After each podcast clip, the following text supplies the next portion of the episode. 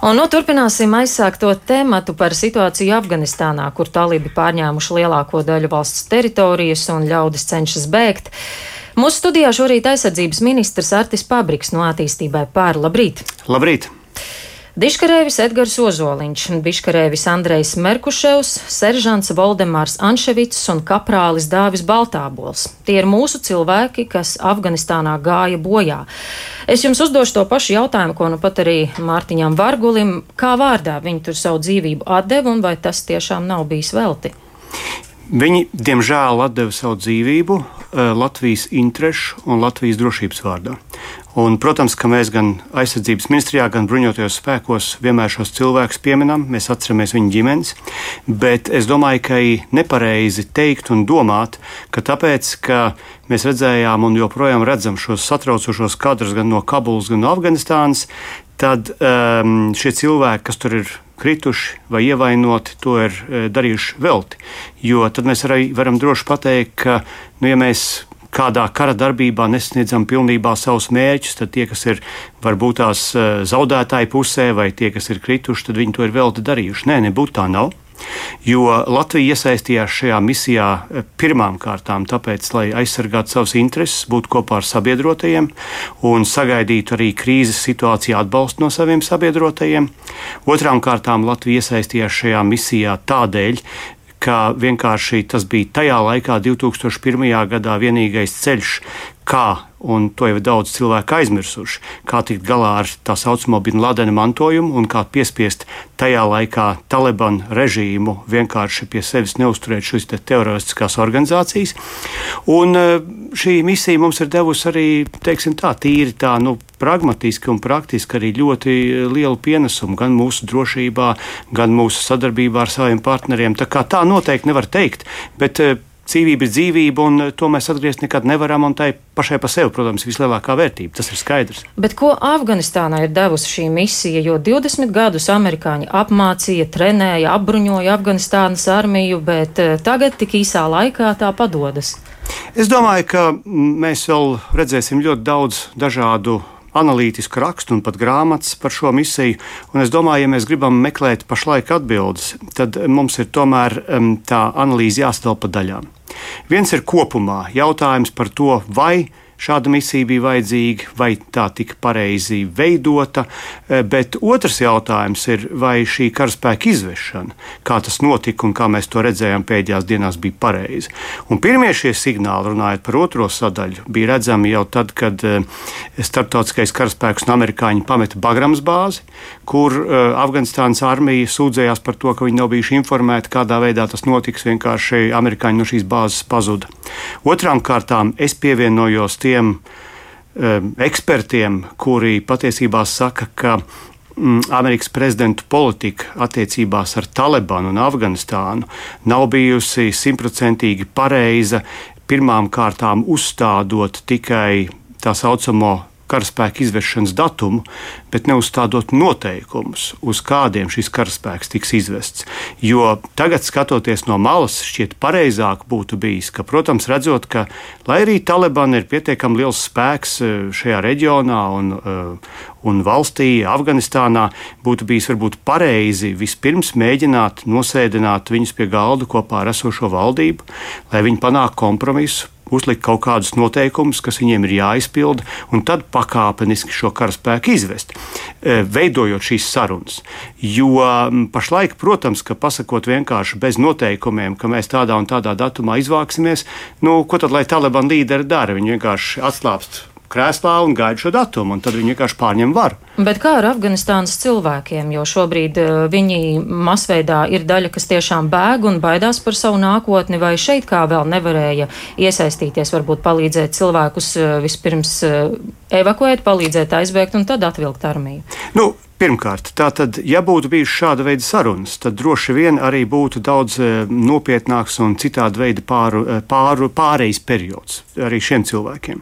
Otrām kārtām mums ir jāatzīst, ka visas lielākās valstis, e, sākot ar amerikāņiem un beidzot ar Eiropas valstīm, kuras vispār bija šokā un divas dienas nespēja nevienu vārdu pār lūpām pārmīt, nebija domājušas, ka Taliban spēki tik ātri sasniegs Kabulu, ka sāksies tāds hauss, un mēs redzam arī no atkal man jāatcaucās uz citiem ekspertiem. Mēs redzam, ka šeit bija piedāvājumi gan citādāk organizēt šo konsulāro palīdzību, gan mēģināt veikt sarunas varbūt ar kaimiņu valstīm, ar Indiju, ar Pakistānu, ar Uzbekistānu, ar Taģikistānu, caur kuru tad varētu nu, šiem saviem sabiedrotajiem, vai nu tie ir tulki, vai tie ir nu, jebkura kura līmeņa un grupu cilvēki palīdzēt arī valsti pamest. Tā kā ir pilnīgi skaidrs, ka šāda veida karaspēka izvēršana radīja hausu. Un hauss jebkurā gadījumā rāda papildus upurus, papildus ciešanas un papildus neziņu. Un, protams, ka pašlaik, nu, pašlaik skatoties to, kas notiek Afganistānā, atliek vienīgi runāt un cerēt, ka varbūt šis talibans nebūs tas, kas bija pirms 20 gadiem, varbūt šeit izdosies kaut kā citādi šo leģitimitāti panākt, bet tas ir tāds nu, vēlmu izteiksmes domāšana.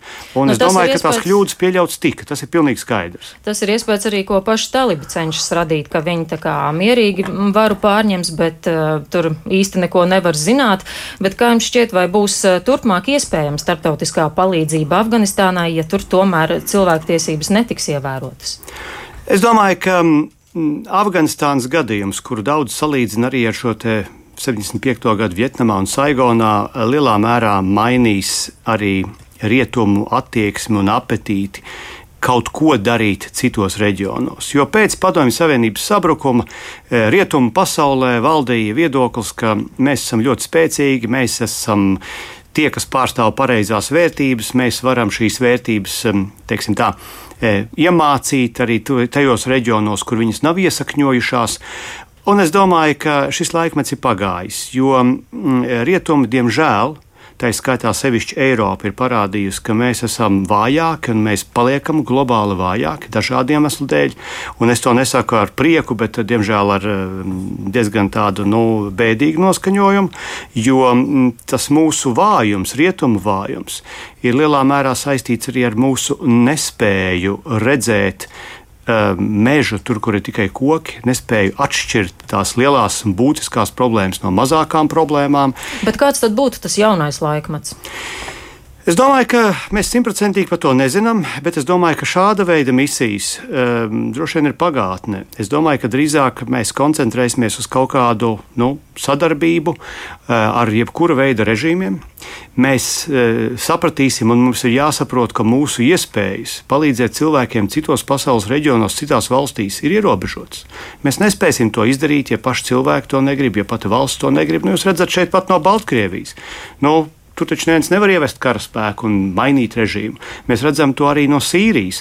Vienlaikus mums ir arī pozitīvais piemērs Ukraina, jo Ukrainā Un Ukraiņas tautai īstenībā jau neviens tā īsti palīdzēt arī negribēja, bet Ukraiņi tika ar šīm lietām galā. Tāpat tās arī 39. gadā Somi tika galā ar šo padomju uzbrukumu. Tā kā es domāju, ka mums ir jāsaprot, ka, ja kaut kas tāds kritisks notiks kādā pasaules reģionā, jā, varētu būt zināma ierobežota militāra iejaukšanās, varētu būt mm, kaut kādas militāras akcijas, bet tās nebūs saistītas ar ilglaicīgu uzturēšanos šajās valstīs vai mēģinājumiem um, nu, ar savu klātbūtni, lielu un ilgstošu klātbūtni, izveidot cita tipa režīmu. Tas būs jādara pašai tautai. Ir arī afgāņi, kas savulaik ir palīdzējuši Latvijas karavīriem un aicina piešķirt viņiem patvērumu Latvijā. Kāda tur ir situācija, vai šie cilvēki ir jau apzināti? Jā, es jau pagājušās nedēļas sākumā lūdzu mēģināt apzināt šādus cilvēkus, ja viņi ir. Uh, viņu nav daudz. Pašlaik mums nāk arvien vairāk vārdu, joprojām tie ir mazāk kā desmit. Es pieļauju, ka ģimenes locekļiem varbūt būs virs desmit. Mums ir jāsaprot, ka šie cilvēki ir bieži ne tikai strādājuši ar latviešiem, bet arī iespējams ar kādām citām kaujas grupām. Līdz ar to var būt, ka viņi arī meklē palīdzību šajās valstīs. Jebkurā gadījumā es uzskatu, ka tas ir mūsu pienākums tiem cilvēkiem palīdzēt, kas ir strādājuši kopā ar mūsu karavīriem, un tik cik mēs varēsim darīt darīt, un mūsu iespējas šeit arī ir ierobežotas. Tik cik mēs varēsim, mēs darīsim un palīdzēsim. Protams, ka mēs nevaram sūtīt kaut kādas glābšanas misijas uz Afganistānu. Mēs ļoti ceram, ka tie cilvēki vai nu tiek ārā paši no Afganistānas, vai izmantos dažu mūsu sabiedroto valstu sniegtos pakalpojumus, lai tiktu ārā. Bet es domāju, ka mums ir jābūt gataviem šos nepārāk daudzos cilvēkus ar viņu ģimenes locekļiem, ja viņi izrāda vēlmi šeit, Latvijā, uzņemt. Tātad šie cilvēki aizvien vēl ir Afganistānā, vai kādai daļai varbūt jau ir izdevies tikt prom? Mums nav informācijas par visiem. Es zinu, ka mm, vismaz viens ir ārpus Afganistānas. Bet mums ir vēl pāris cilvēki, par kuriem mums ir eh, pašlaik neskaidra informācija vai nav informācijas. Mēs gaidām ziņas eh, caur tiem kanāliem, kādi mums ir. Un kāda tad varētu būt Latvijas rīcība, vai varētu lemt par šo cilvēku evakuāciju, kā mēs varētu praktiski palīdzēt? Nu, ja viņi ir tikuši ārā no Afganistānas, tad jau šis jautājums ir daudz vienkāršāks. Tad var izmantot vai nu mūsu konsulāros pakalpojumus, vai pakalpojumus tajā valstī, kur viņi atrodas.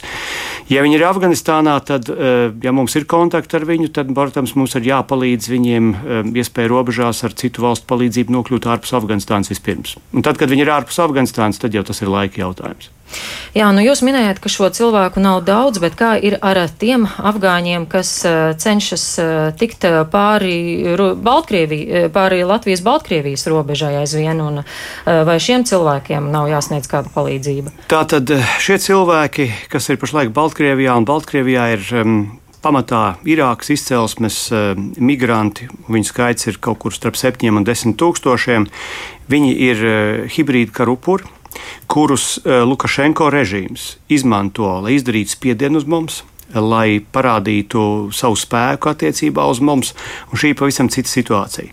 Un es domāju, ka šeit mums ir jāpiet eh, ļoti augstasinīgi un stingri, un mēs nevaram pieļaut to, ka mm, Lukašenko un Baltkrievijas režīms šeit berzē rokas un um, panāk, ka mēs atveram robežu un šādā Bet... veidā ielaižam pie sevis cilvēkus, kurus viņš ir uzaicinājis pie sevis, kurus viņš ir atvedis pie sevis un pašlaik izmanto pret mums. Bet, ja pārī mūsu robežai nāk afgāņi, tad šajā gadījumā mūsu politika ir cita. Ne, nu, ko nozīmē nāk pāri robežai afgāņi? Tikt. viņu tur daudz nav. Otrām kārtām visi cilvēki, kas ir ieradušies arī ar Lukašenko uzaicināšanu vai bez, viņi var pirmām kārtām lūgt patvērumu arī Baltkrievijā. Un šeit nu, mēs varam atbildēt ļoti vienkārši. Es esam gatavi Baltkrieviem palīdzēt šos bēgļus uzņemt ja tas ir nepieciešams. Bet tas, ko mēs redzam reālā dzīvē, ir, kad bruņot cilvēku pavadībā, eh, trešo valstu pilsoņu grupas tiek virzītas Latvijas virzienā. Un es atvainojos, šeit nu, ar tādu klasisku bēgļu kustību nu, nav nekāda sakara. Jo no Baltkrievijas neviens Baltkrievs izbraukt nevar. Es gribētu redzēt, kādā veidā pie Latvijas robežām pulcējas tie Baltkrievijas opozīcijas pārstāvji, kur grib pie mums iegūt patvērumu. Tur Lukašenko neko nedara, lai viņi tiktu. Savukārt, nes kāpēc šie cilvēki no Irākas vai citur var tā brīvi pārvietoties. Nu, protams, ka mēs redzam automātiski ceļus viņiem un viņi tuvojas Latvijas robežām. Nu, nebūsim naivi šeit. Jā, nu, paldies. Man šorīt jums jāsaka par sarunu. Mūsu studijā bija aizsardzības ministrs Artis Pabriks. Paldies!